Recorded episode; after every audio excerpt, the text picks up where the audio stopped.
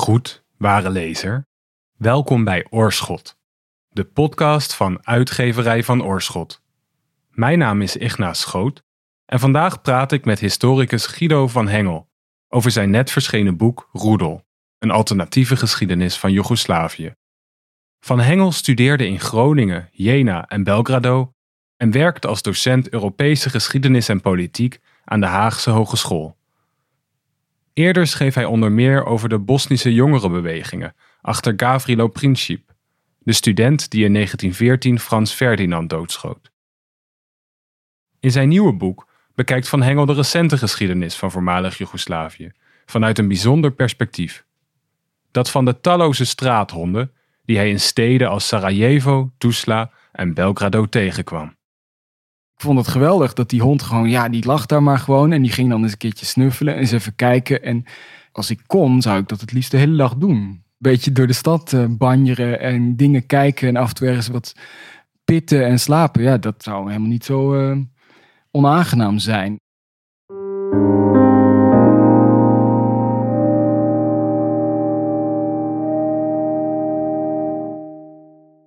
Mijn allereerste vraag was eigenlijk: um, heb je zelf ook een hond?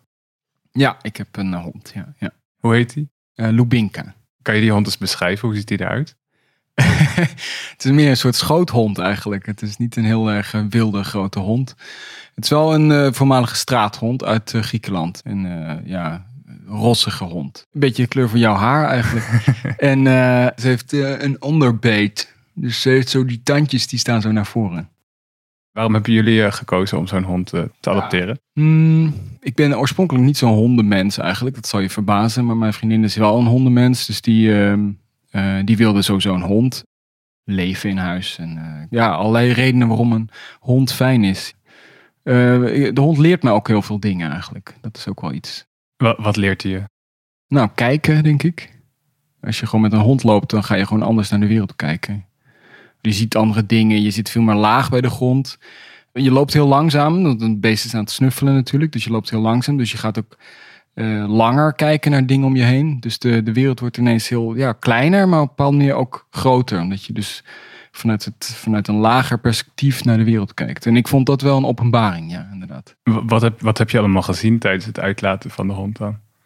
Nou, een van de dingen die me fascineert, het klinkt misschien een beetje goor, maar ik vind vuil op straat wel fascinerend. Er ligt zoveel viezigheid op straat. En dat is natuurlijk waar mensen allemaal dingen weggooien. Dat is natuurlijk ook, uh, het geeft een beeld van hoe mensen aankijken tegen hun omgeving en hoe ze hun straat uh, beschouwen en of ze dat uh, serieus nemen en of ze dat schoon willen houden. Dus dat vuil, dat fascineert me wel. Maar ook bijvoorbeeld, ja, je ziet ook toch wel veel meer leven in de stad. Dus ja, je ziet ook de holen van de ratten en andere dieren en de vogels. En uh, je, je kijkt veel meer naar het leven op straat, zeg maar, van dieren. Dus ja, ik noem nou ratten en reigers. Maar je hebt ook het leven op straat van mensen. Want die, de hond kijkt natuurlijk ook heel erg naar andere honden, maar ook naar mensen en katten en zo. Dus je gaat ook steeds meer om je heen kijken van wat lopen er allemaal voor mensen en wat is hun uitstraling en hoe, uh, hoe gedragen ze zich, hoe, uh, ja, dus dat is ook iets wat ik heb geleerd van de hond. Meestal was ik in gedachten verzonken als ik door de stad liep. En tegenwoordig kijk ik veel beter om me heen. Het perspectief van je hond, of wat je hond je leert tijdens het wandelen, dat heb je eigenlijk in je boek toegepast op de geschiedenis van Joegoslavië. Ja. En wat heeft dit opgeleverd? Ik ben eerst bij mezelf te raden gegaan. Wanneer zijn momenten in het leven geweest waarin ik naar dieren keek en toen een soort historische sensatie kreeg, eigenlijk? Toen kwam ik uit bij twee herinneringen. Die beschrijf ik ook in het boek. De eerste is dat ik in 2005 in, um, in Belgrado in Servië studeerde. En altijd zo'n straathond zag liggen bij de bushalte. En ik was een beetje bang voor die straathond. Maar het feit dat het beest daar lag, gaf me een bepaald soort uh, gevoel van vrijheid. En, en ook angstaanjagende vrijheid. Want dat beest liep gevaar dat is een, niet de beste plek om te gaan liggen, uh, om te gaan slapen. En uh, dat deed me ook heel erg nadenken over van, ja, wat betekent het nou om zo helemaal vogelvrij te zijn in zo'n uh, in zo'n stad? Dat, dat fascineerde me heel erg als, als een, ook een soort geruststellende gedachte. Juist die vrijheid van die straathond. Dat is de eerste herinnering. En de tweede herinnering is eigenlijk het tegenovergestelde. Dat was ook in voormalig Joegoslavië in 2013, toen ik aan een ander boek schreef. Toen um, was het een enorm um, schandaal eigenlijk, omdat die hele stad overspoeld werd door straathonden. Welke stad was dit? Uh, Sarajevo, oh, ja. ja. hoofdstad van uh, Bosnië-Herzegovina.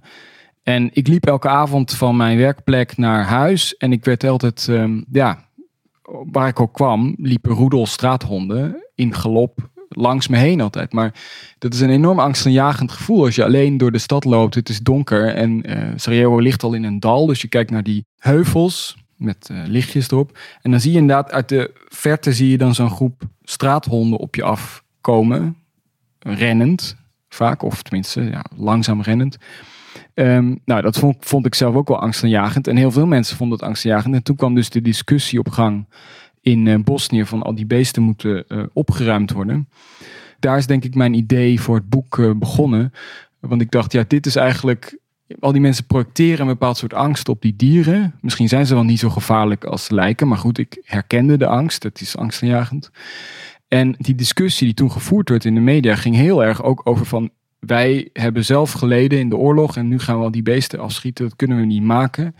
Uh, wij moeten compassie tonen met die dieren. Maar andere mensen zeiden, we hebben genoeg geleden. We hebben genoeg uh, milities gehad die ons aanvielen in het donker. Ik wil niet uh, ook nog bang zijn voor straathonden. Dus in de discussie die ik toen zo'n beetje volgde in de media, zag ik eigenlijk hoe mensen continu hun historische ervaring geporteerd hebben op die straathonden. En, en even voor, voor de luisteraar of de lezer uiteindelijk van het boek, wat is die historische ervaring in de context van voormalig Joegoslavië? Nou ja, de mensen die nu nog in Sarajevo wonen of die naar Sarajevo verhuisd zijn tijdens of na de oorlog, hebben natuurlijk uh, te maken met een oorlogstrauma. De oorlog in uh, Bosnië begon in 1992 en eindigde in 1995. Maar bijvoorbeeld Sarajevo als stad is jarenlang belegerd geweest door de, uh, het leger van de Bosnische Serviërs. Om dan toch een metafoor te gebruiken als rat in de val. Dus het hele idee dat je dus vastzit in zo'n stad en vanuit de bergen beschoten wordt door de vijand in dit geval is, is natuurlijk iets wat enorme impact heeft op de mensen hun ervaring van het heden.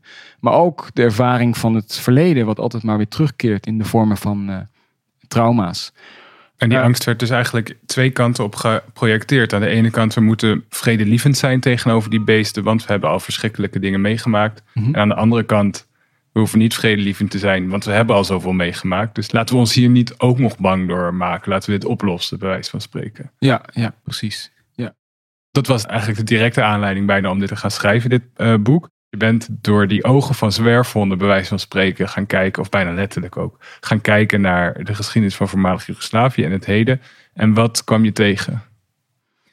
Ik ben inderdaad, je noemt de directe aanleiding, ik ben daar begonnen. Dus ik heb het verhaal van de Bosnische straathonden en de opruiming van uh, nou, in dit geval 2013, 14, heb ik als uitgangspunt genomen. Dus daar ben ik ook uh, mijn onderzoek begonnen. Dus ik ben in Bosnië gaan praten met iedereen, met uh, juridische instanties, uh, hondenredders, hondenvangers, mensen die in de media hebben gewerkt, dus die er allemaal hun mening over gegeven hebben. En die ben ik gaan opschrijven op de manier dat het een soort logisch verhaal is. Ik heb het ook zo opgebouwd alsof het een soort oorlog is die escaleert. Hè? Dus eerst roedels worden geïdentificeerd op de straat. Dan begint het angstaanjagend te worden. Dan wordt dus die uh, angst opgeklopt, ook in de media. Dan krijg je dat mensen zeggen, ja, ze moeten allemaal dood. En mensen zeggen, nee, we moeten ze opvangen. En dan komt uh, de overheid erin en dan komen de internationale organisaties die zich tegenaan gaan bemoeien. Hè? Dus dan krijg je ook de Britse welzijnsorganisatie voor dierenwelzijn. Komt ook en die gaat zich er ook mee bemoeien. En dan komt de Europese Unie dan komt er wetgeving, maar dan wordt de wetgeving niet ingevoerd. Nou, eigenlijk dat is een soort microgeschiedenis waarin je met enige fantasie ook een soort oorlogssituatie kan uh, zien. En dat noem ik dan ook de hondenoorlog. En het, ja, helaas uh, vinden die massa uh, ja, moorden, zeg ik maar, of opruiming van die honden vinden ook plaats. Dus het is ook een, een moment waarop je ziet dat die honden dan toch verdwijnen en nooit meer terugkeren. Uh, dat heb ik als beginpunt genomen. En dat is dan ook eigenlijk de kern van het boek. Maar om toch ook verder te gaan, ben ik daarna gaan kijken van, nou ja, goed, wat betekent dat nou? En, wat betekent dat beeld van die honden? En, en wat mensen zien in honden of in dieren. En, en, en toen heb ik eigenlijk aan de hand van, dat ben ik toen begonnen om de hele geschiedenis van Joegoslavië te beschrijven. Vanaf uh, uh, de Eerste Wereldoorlog ongeveer.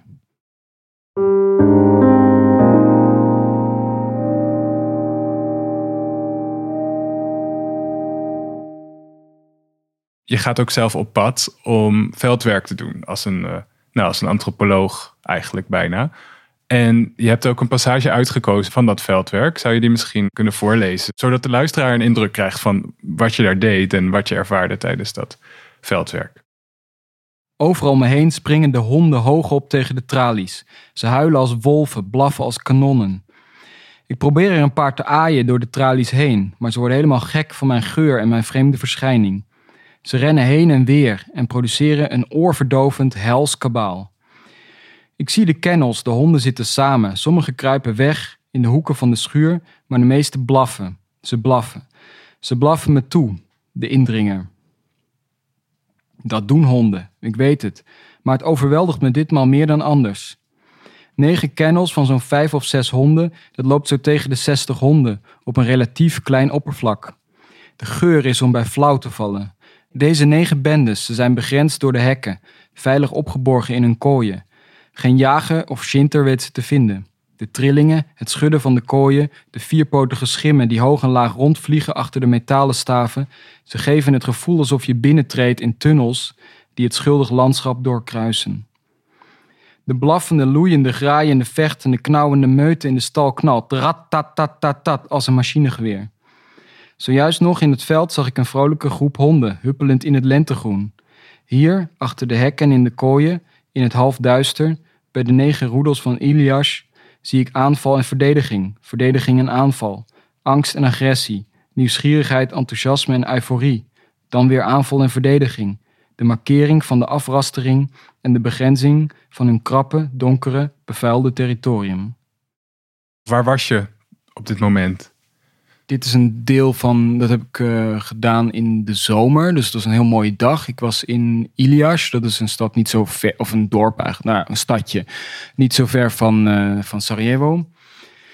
Een van de mensen die ik begeïnterviewd, die houdt daar uh, straathonden in een soort schuur. Dat zijn allemaal honden die, die ze op straat heeft gevonden, die ze dus gered heeft. want als ze op straat worden gevonden, worden ze meestal afgemaakt of naar een duister asiel gebracht. En uh, ja, het is overweldigend, want ze probeert die honden allemaal te redden. Maar ja, het zijn er gewoon veel te veel. Dat, dat, dat merkte ik ook. Want ze heeft niet zo heel veel ruimte. Die honden zitten daar best wel dicht op elkaar. Ik wilde gewoon even bij die honden zijn in hun, in hun opsluiting. Om te beleven hoe ze daar, hoe ze daar zitten. Maar goed, ik ben natuurlijk een, um, een vreemde. Dus ik loop een, uh, een schuur binnen die nou, niet zoveel groter is dan die ruimte die, waarin we nu hier...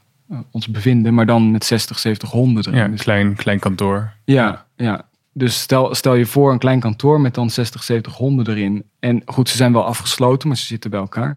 En dan misschien niet zozeer ze vallen aan, maar ze blaffen natuurlijk heel hard. En als we een individuele straathond op straat zien, dan denken we, nou ja, leuk. Of je misschien niet leuk, maar in ieder geval je haalt ze aan en ze zijn misschien schattig of toch wel sympathiek. Maar als je dan zo'n enorme roedel honden eigenlijk, een enorme hoeveelheid honden voor je hebt, dan is het toch wel enorm beangstigend. En ook het feit dat ze zo opgesloten zitten, uh, maakt het ook dat ze nog extra veel energie uitstralen en uitblaffen eigenlijk. Um, dus dat maakt een enorme indruk op mij.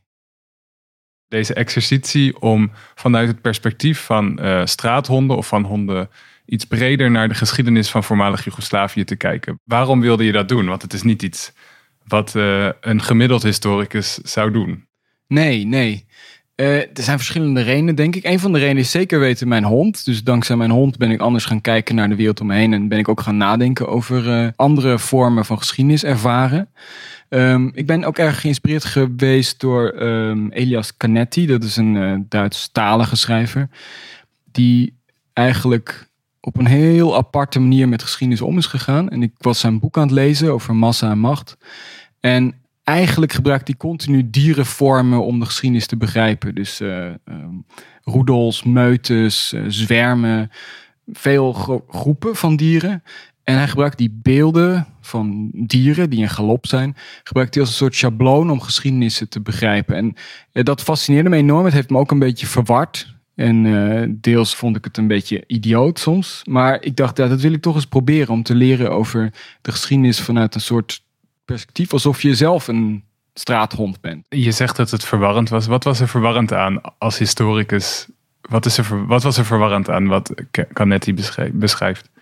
Nou ja, het is natuurlijk alsof je een soort paar stappen terug doet in de geestelijke ontwikkeling van de mens. Alsof je zeg maar ehm, ja, als een soort magier naar de, naar de wereld kijkt. Dat is wat historici niet doen. Ik ben aan de universiteit, uh, heb ik gewerkt, ik ben gepromoveerd. Je wordt toch geacht om bronnen, uh, en dat gaat dus om tekstbronnen, om die te behandelen en daar dingen uit te halen en daar een verhaal op te baseren met voetnoten. En ja, dus de historici uh, die ik ken en de meeste historici waar ik van geleerd heb en de historicus die ik was, zijn vooral gefocust op, um, op tekst en uh, ja, dan is het heel verwarrend om met dit soort ja, bijna animistische prehistorische beelden te gaan werken. Uh, dus dat vond ik, vond ik verwarrend, ja. En, en ik denk nog steeds dat het verwarrend is. En daarom is mijn boek misschien ook wel een beetje verwarrend geweest. Maar uh, ik denk soms dat is ook wat ik, uh, wat ik beoogd heb. Wat motiveerde je om het dan toch te doen? Ondanks dat je dacht, het is idioot en verwarrend. Nou, omdat ik, ik, ik ben wel historicus, maar ik interesseer me ook heel veel voor andere dingen. En ook literaire en, en, en, uh, religieuze thema's. En uh, ik dacht, ja, ik hoef niet een klassiek historicus te worden. Ik ben geen klassiek historicus, dus laat ik het gewoon maar proberen en uh, het experiment aangaan.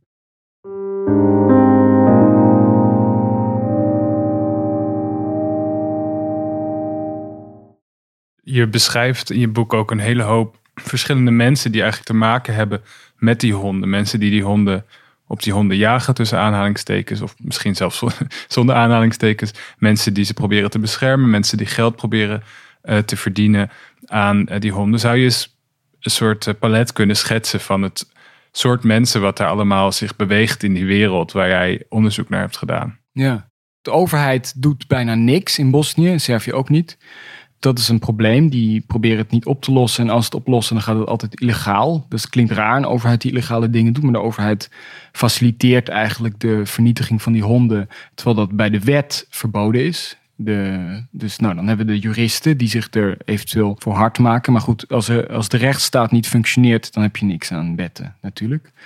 En dan heb je allerlei mafioze, half criminele organisaties die zogenaamd de honden redden maar eigenlijk handjeklap met de overheid doen om um, bepaalde subsidies, um, het zij nationale subsidies, maar ook wel internationale subsidies uh, op te strijken. Mm -hmm.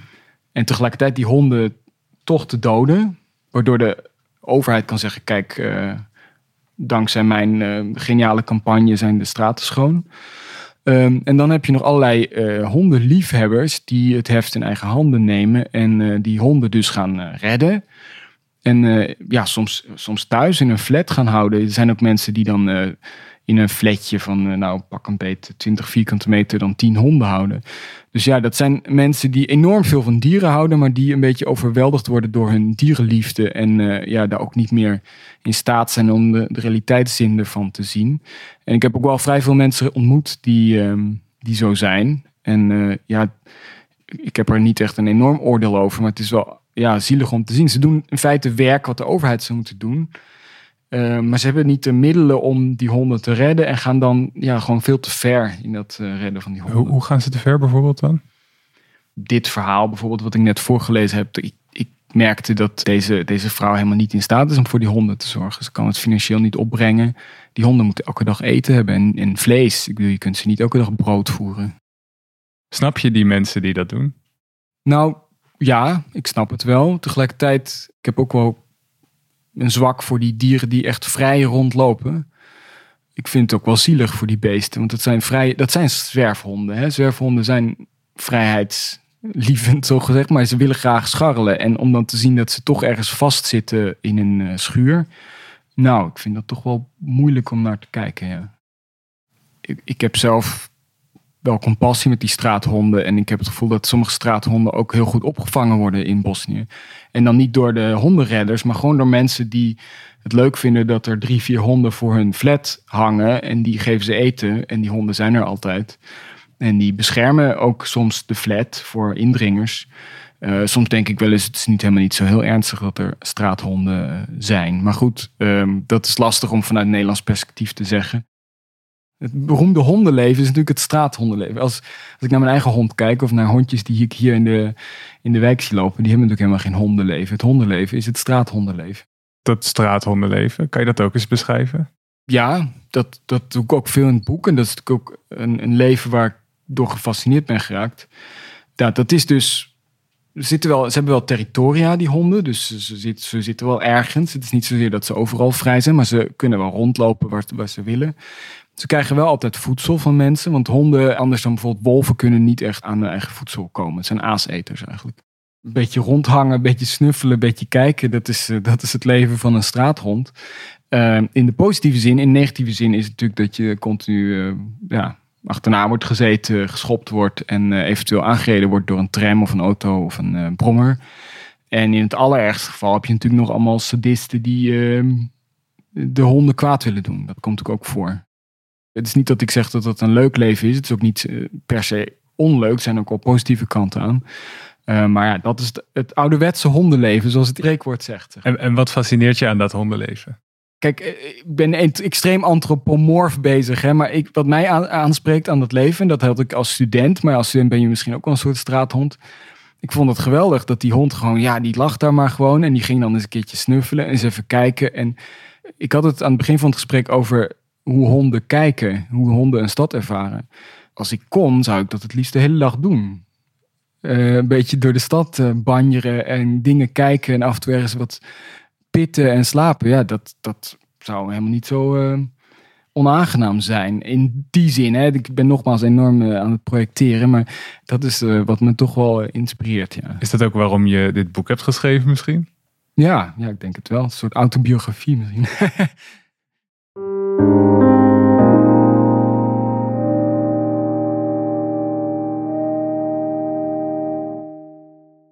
Je begint je boek met een scène niet uit voormalig Joegoslavië, maar uit de laatste dagen van het Ottomaanse Rijk. Mhm. Zou je eens kunnen beschrijven wat die scène is? Mhm.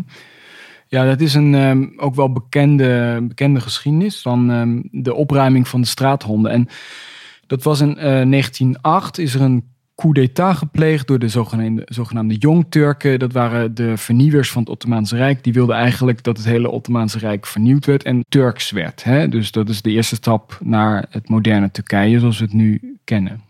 Ze modelleerden de politiek naar westers voorbeeld, ook met wetten en regels en, en, en, en systemen. En ze zeiden, ja, we moeten ook die straathonden opruimen, want dat hoort niet. We willen een westerse, serieuze, moderne stad zijn en daar spelen straathonden geen rol in. Uh, en toen hebben ze die honden uh, allemaal opgepakt, gearresteerd wou ik zeggen, en naar een uh, verlaten eiland in zee gebracht, waar ze ja, zonder eten en drinken allemaal zijn over, ja, doodgehongerd eigenlijk. En um, het is zo treffend om te zien hoe je het idee dat je modern en georganiseerd wilt zijn, koppelt aan vernietiging. Dat ik dacht, ja, dat moet ik gewoon gebruiken als begin. Want dat is eigenlijk waar die hele 20e eeuw uh, op uitgedraaid is. Hè? Dus de behoefte om ordening aan te brengen, nazistaten te creëren, uh, steden schoon te maken, culturen te splitsen of culturen te scheiden. Dat is natuurlijk een 20e eeuws fenomeen. En we weten dat daar ja, enorme bloedige gevolgen aan kleven de holocaust, de, de vernietiging van, van allerlei culturele gemeenschappen in Midden-Europa. Nou ja, goed, de Armeense genocide noem ik ook eh, heel specifiek. Um, de parallellen zijn angstaanjagend, want feitelijk de Armeniërs zijn ook de woestijn ingestuurd om te, om te sterven zonder eten en drinken. En, en hoe, hoe zit dat, uh, zuivering of, of schoonhouden van straten en genocide? Er zit nog wel een flinke stap tussen, zeg maar. Hoe, hoe zie je die verhouding tussen die twee dingen? Het verlangen naar zuivering, dat begint misschien met je ruim je kamer op. Hè? Dat is uh, het uh, adagium van, hoe het ook weer? Jordan Peterson volgens mij. Ruim je kamer op. Uh, nou, ruim je stad op, ruim je, weet ik veel, land op, ruim je, ruim je continent op. Dat is een heel normale behoefte misschien om, om, om op te ruimen. We willen allemaal wel eens op, opruimen. Maar je weet altijd opruimen betekent ook dat je iets tot afval maakt. In je kamer valt het nog mee met propjes of klokhuizen van appels. Maar in een, in een land, als je een land op die manier wil ordenen, dan komt het toch voor dat inderdaad er ook levende wezens tot afval worden gemaakt. Nou, honden, daar hebben de mensen dan iets minder eh, moeite mee om die op te ruimen. Maar op een gegeven moment krijg je ook dat de stap naar mensen wordt gemaakt. En dat is heel vaak gebeurd in, in de 20e eeuw, waarbij dus gewoon de behoefte bestaat om een bepaalde gemeenschap, en dan heb ik het weer over grotere groepen mensen, massa's, uh, ja, gewoon weg moeten uit beeld moeten verdwijnen. Nou, dat is in, in het Ottomaanse Rijk gebeurd. Maar dat is ook, en daarom gaat het boek over Joegoslavië, natuurlijk enorm veel gebeurd in Joegoslavië tot aan 1999 aan toe.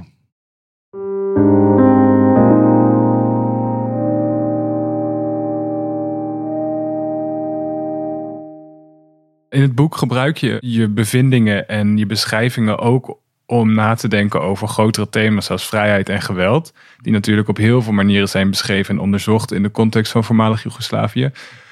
Wat heeft dit onderzoek doen en dit, ervaring van dit schrijven jou geleerd over vrijheid en geweld, met name in de context van voormalig Joegoslavië? Laat ik beginnen met geweld. Het boek is, staat vol met extreem gewelddadige uh, scènes dat is ook een soort onderzoek geweest van mezelf. Niet omdat ik dat nou leuk vind, maar omdat ik denk van ja, de beestachtigheid, zoals we dat dan noemen, van de 20e eeuw moet misschien beschreven worden. Waarbij we ons af kunnen vragen, hoe beestachtig zijn de beesten nou eigenlijk vergeleken met de beestachtigheid van de mensen? En wat betekent het dan nog om het woord beestachtig te gebruiken voor wat mensen hebben gedaan eh, aan elkaar, maar ook aan dieren? Kijk, dieren zijn gewelddadig. Hè? Niet de hele tijd, maar als het moet kunnen ze heel gewelddadig zijn. Maar ik heb ook mensen een beetje als dieren bestudeerd. En daarom dat ik het boek Roedel heb genoemd. Omdat ik denk dat mensen in massa's, of in, in meutes, of in, in grote groepen mensen, dat mensen tot de meest uh, weerzinwekkende geweldsdaden in, uh, in staat zijn dat is eigenlijk wat ik, uh, wat ik ervan geleerd heb met betrekking tot geweld. Dus ik denk dat het goed is om niet te denken dat we allemaal zo beschaafd en uh, keurig zijn. En dat uh, de liberale, moderne wereld ons verlost heeft van geweld. Integendeel, ik denk dat zodra mensen in groepen optrekken, dat ze hun verstand verliezen en zeer gewelddadig kunnen zijn. En ook zeer vreed en sadistisch. Dus in zekere zin is het een nieuw laag eigenlijk aan het boek. Namelijk, je hebt niet alleen honden bestuurd, maar ook mensen als honden of als dieren. Of Niet alleen maar vanuit een soort hoger liberaal mensbeeld. En we zijn er bij het einde, maar we zijn nog steeds dieren ja. eigenlijk. Ja, ja, en misschien nog wel erger dan dieren. Dus dat is ook. Uh, mijn laatste zin van het boek is ook van we kunnen ons. De vraag is van hoe zien dieren ons? Dat kunnen we als mensen niet. Om te weten hoe zien dieren ons. Maar ik zeg wel, we kunnen ons er wel een voorstelling van maken. En dat is precies wat ik in het boek gedaan heb om bij wijze van spreken naar mensen te kijken alsof dieren naar ons kijken. Wat we nou eigenlijk allemaal aan het doen zijn. Dus het is ook wel een somber mensbeeld wat eruit uh, spreekt. Want hoe, hoe denk je, als je dat in het kort zou moeten omschrijven, hoe denk je dat die dieren ons zien? Het genocidale karakter van wat er gebeurd is in de 20e eeuw. Van de Armeense genocide tot aan de genocide in Srebrenica. Uh, dat doen dieren niet. Er zijn wel een paar dieren die genocidale neiging hebben, maar de meeste doen dat niet. Dus dat is, als we het geweld van dieren vergelijken met het geweld van, nou goed, menselijke dieren, dan is daar toch wel een enorm verschil in. Ja. Ja, en, en dan het tweede aspect, naast geweld ook vrijheid. Wat heb je daarvan geleerd van die straathonden? Daar heb ik ook geprobeerd dus eerst met die honden te kijken. dat, ik heb ook een heel hoofdstuk waarin ik eigenlijk die straathonden in de vrijheid bestudeer. Ik noem het dan interviewen. Goed, dat gaat niet zo makkelijk. Maar ik kijk naar die honden gewoon die op straat zitten. En uh, was een hele fijne gids die mij al kon uitleggen wat die honden doen. Die kende ook alle honden van de stad. Mhm. In, uh, in Zenica in Bosnië. En ja, dat vond ik dus interessant om te zien hoe die honden dus eigenlijk in vrijheid, als er een bepaalde vertrouwen is, heel goed kunnen leven. Bijvoorbeeld, ik vertel over die schaakhonden. Er zijn dan mannen die op straat aan het schaken zijn. Dat zie je veel in mediterrane landen en ook in, uh, in Bosnië. En die honden, die zitten altijd bij die schakers. Want die schakers geven eten, een vorm van gezelligheid eigenlijk. Die schakers zorgen voor die honden. En nou ja, dat is een, een vorm van vrijheid die mij aanspreekt. Van, we hebben een openbare ruimte, maar we kijken om naar elkaar. Maar we zijn niet gebonden aan ons huis of ons hok, ons aan zijn aan riem, aan de riem. We hoeven niet per se vast te zitten. We kunnen vrij bewegen in een openbare ruimte en tegelijkertijd naar elkaar omkijken en zorgen voor elkaar en elkaar beschermen als het moet. En je zegt nu we, maar je bedoelt nu eigenlijk wij en de honden. Wij, ja, mensen en dieren, ja. Dat is het soort straatballet wat mij dus aanspreekt van straathonden. Dat je een, een, een stad of een omgeving beleeft en dat je denkt van nou ja, dit is onze gedeelde ruimte en we bewegen vrij in die gedeelde ruimte, maar die vrijheid betekent ook dat je constructief bijdraagt aan de openbare ruimte, aan de gedeelde ruimte. Ja, ja. En dat doen die honden ook eigenlijk, want die, die, dat zei die gids ook van ja, die kennen al die honden, die honden die begroeten mij die uh, weten wie ik ben en die beschermen mij ook. Ze zei, als er een enge man of zo s'nachts was, dan had ik altijd die honden bij me. Dus, dus dat is een vrijheid die in positieve en negatieve zin, dus positieve en negatieve zin in de, in de theoretische betekenis, uh, functioneert. Je beschrijft in je boek ook veel de transitie van voormalig Joegoslavië, van een socialistisch um, land naar wat is eigenlijk onduidelijk, maar dat ze daar een soort nu in zitten, bijna permanente staat. En dat het voor heel veel mensen helemaal niet zo'n fijne staat is om in te leven. Dus ze hebben in zekere zin vrijheid, de oorlogen zijn voorbij, maar ze zijn nog niet echt gelukkig of ze hebben niet echt een thuisgevoel. Is dat ook iets wat je verbindt aan het, wat je geleerd hebt over vrijheid van die straathonden? Ja, eigenlijk wel. Want dat, ik, wat ik net zei, van in de ideale situatie zijn die honden onderdeel van het straatballet of van, het, van de openbare ruimte. En wat je nu ziet in bijvoorbeeld, uh, dat heb ik in Servië beschreven, maar ook in Bosnië, is dat um, de transitie dat die eigenlijk de, de openbare ruimte niet tot een gedeelde ruimte heeft gemaakt, maar tot een soort jachtgebied. Iedereen is voor zijn eigen gewin daar. Iedereen is daar om. Uh, ja, egoïsme, egoïsme is natuurlijk een aspect van de neoliberale transitie, van het kapitalisme. Waardoor mensen dus ja, toch vooral aan zichzelf denken. En niet zichzelf zien als een onderdeel van een meer ja, organische gemeenschap die op straat of op het plein aanwezig is. En dat noem ik dan ook de losgelaten wereld. Dat is een soort gevoel alsof je helemaal aan je lot bent overgelaten. Dus dat, dat, dat er geen binding meer is, dat er geen connectie meer gemaakt wordt. Dus eigenlijk kunnen we wat dat betreft soms inspiratie nemen aan straathonden en hoe straathonden kunnen samenleven op sommige plekken met mensen. We kunnen daar inspiratie vandaan halen om te bedenken in wat voor soort hoe wij met vrijheid willen omgaan en wat goede, een goed soort vrijheid is voor onszelf ook. Ja, ja, precies. Maar het is heel precair en dat is denk ik uh, ook essentieel als we dan weer even naar het geweld kijken.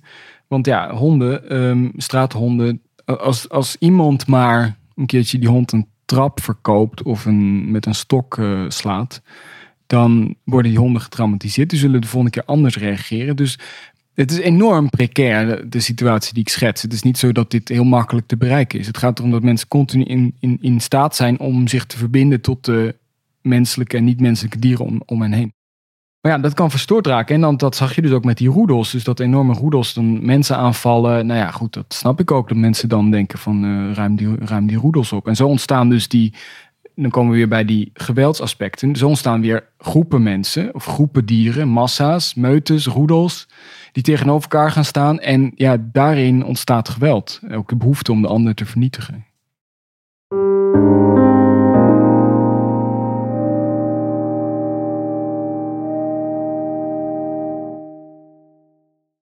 Wat ik erg mooi vind aan het boek is dat er een hele hoop wordt besproken en dat niet alles altijd expliciet is. Dus je kunt het twee en drie keer lezen. Volgens mij komt het dan steeds meer uh, op zijn plek of kun je steeds meer dingen aan elkaar verbinden. Zo vond ik ook het laatste hoofdstuk heel erg mooi. Uh, Traces heet het. En je had daar een passage van uitgekozen. Misschien kun je die nu wel voorlezen en dan kunnen we aan de hand daarvan ook nog praten. Het boek eindigt in, uh, in Tuzla. Dat is een stad in, uh, in Bosnië waar uh, op het moment heel veel vluchtelingen zich bevinden. Um, die vluchtelingen zijn eigenlijk in een soort niemandsland terechtgekomen, want ze willen de Europese Unie in. maar ze worden tegengehouden bij de grens. Ze worden vaak brute wijze door de Kroatische politie de grens terug overgeknuppeld. Beroofd ook vaak. Dus die mensen zitten daar en die hangen daar een beetje rond. Ze kunnen eigenlijk nergens heen. En, en omdat Bosnië geen Europese Unie is, uh, ja, zitten ze dus in een soort wachtruimte. Misschien wel eeuwige wachtruimte. Maar ze zitten nog niet in de Europese Unie, maar ze zijn ook, kunnen ook niet meer terug. Dus het is een soort tussenruimte eigenlijk. Er zijn al verschillende verhalen bekend over hoe de Kroatische politie vluchtelingen berooft, mishandelt en in elkaar slaat.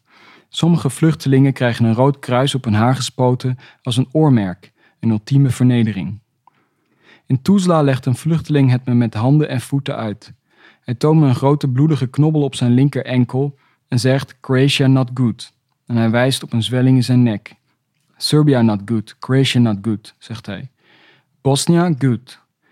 Hij houdt vreugdeloos zijn duim omhoog. Bosnia good. Ik vraag hem naar details. Wat is er gebeurd? Maar hij kent alleen maar de drie frasen: Serbia not good, Croatia not good, Bosnia good. Hij wappert met het pakje geparfumeerde zakdoekjes. Ik heb al, laat ik zien, zakdoekjes uh, in mijn hand. Een onhandige laag bij de grondse schaamte maakt zich van mijn meester. Nou ja, doe maar dan. Op het plein hoor ik het lachen, de muziek, het klingelklangel van glazen. De fontein toont een vallend en springend waterballet. De straathonden scharrelen op straat in een even sierlijke als wanordelijke choreografie. Met twee pakjes zakdoekjes in mijn hand staar ik deze naamloze vluchteling na, totdat hij hinkend met zijn knokige lijf in het donker van de stad verdwijnt. En waarom besloot je om met dit fragment je boek te eindigen? Um, of wat heeft dit te maken met een uh, geschiedenis vanuit het perspectief van straathonden? Nou, ik zag niet zoveel verschil meer tussen die straathonden en die vluchtelingen. Ik dacht, ja, het, eigenlijk is het precies hetzelfde. Afval van een samenleving die niet omkijkt naar uh, de zwakkeren. Dat kunnen zwakkere honden zijn, maar dat kunnen ook de vluchtelingen zijn. Het feit dat ze daar zitten heeft te maken met een soort opruiming. Want de Europese Unie heeft de grenzen gesloten en die mensen zitten daar. Maar dat is niet de Europese Unie uh, zijn business meer. Want ja, ze zijn uit beeld, dus dan bestaan ze niet. Mhm. En ja, er zullen vast mensen beledigd zijn. Zeker deze meestal uh, islamitische vluchtelingen. Dat ze met honden worden vergeleken. Maar toen ik daar was, ja, ik zag echt het verschil op dat moment niet meer. Ik dacht, ja, eigenlijk zijn dit vergelijkbare gevallen. En je zag het verschil tussen de honden en de mensen nog wel, maar niet met hoe er om wordt gegaan met ze, toch? Ja. ja. Ja, ja, precies. Het gaat om het, gaat om het idee dat, dat je tot afval wordt gemaakt eigenlijk. Ja. Ik, ik heb er ook over nagedacht om het niet een, een, een alternatieve geschiedenis van Joegoslavië te noemen, maar een alternatieve geschiedenis van Europa of zo. Uh, maar goed, het gaat, speelt zich voornamelijk af van Joegoslavië. Maar eigenlijk is mijn boodschap is, het is een alternatieve geschiedenis van Europa. Met het besef dat wat in Joegoslavië gebeurd is, zowel tussen mensen, in dit geval tussen ook mensen en dieren, maar ook nu met de vluchtelingen, dat dat, een, um, een, uh, dat, dat de grenzen van dat land of die landen overstijgt. En dat dat ook iets is wat hier um, speelt en moet spelen.